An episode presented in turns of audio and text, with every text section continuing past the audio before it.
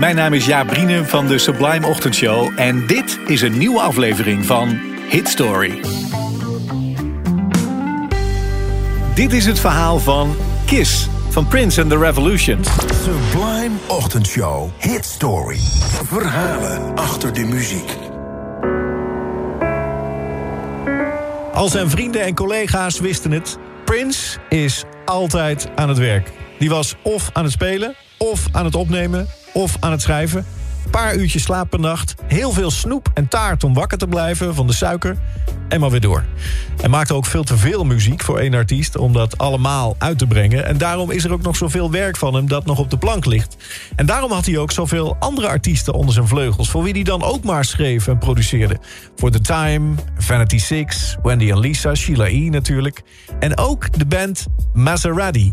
Dat was een project van Mark Brown, de bassist van de band van Prince toen de tijd. Eh, The Revolution, de eerste helft van de jaren 80, daar hebben we het over. Prince probeerde die Maserati een beetje op weg te helpen. Had een nummer voor ze geschreven. En hij gaf Mark nog een demootje. Kijk maar joh, misschien dat je daar nog iets mee kunt. Dat was een demo van een klein liedje, een bluesje. Prince zong op dat bandje en speelde daar zelf gitaar bij. Beetje een langzaam nummer. En Mark was ook wel verbaasd, want zijn band Maserati was een funkband. En dit was meer, nou ja, een soort van singer-songwriter-achtig liedje. Maar goed, hij ging ermee aan de slag. Dat deed hij diezelfde avond nog. Hij deed het, net als Prince, de hele nacht door.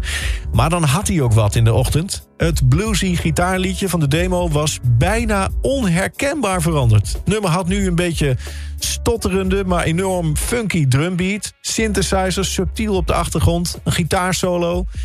Mark was trots, stapte ermee naar Prince. Die zou dit echt geweldig vinden. Maar die reageerde toch iets anders dan Mark had verwacht.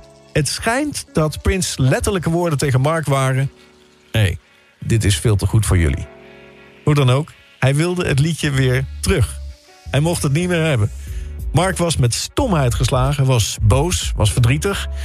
Maar ja, hij wist ook wel dat hij daar verdomd weinig tegenin kon brengen. En zo ging Prince verder aan de slag met de studioopnames van Mark.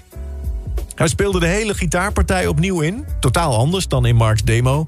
En hij zong alles opnieuw in, zelf. En deze keer met een heel hoge stem. Een octaaf hoger dan wat Mark bedacht had.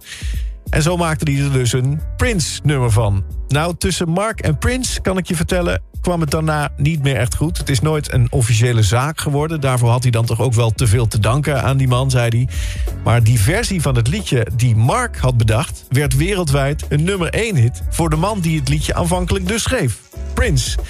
Met dus, let goed op, de drum, de bas en de toetsen van Mark... die zijn gewoon nog intact gebleven in de andere versie.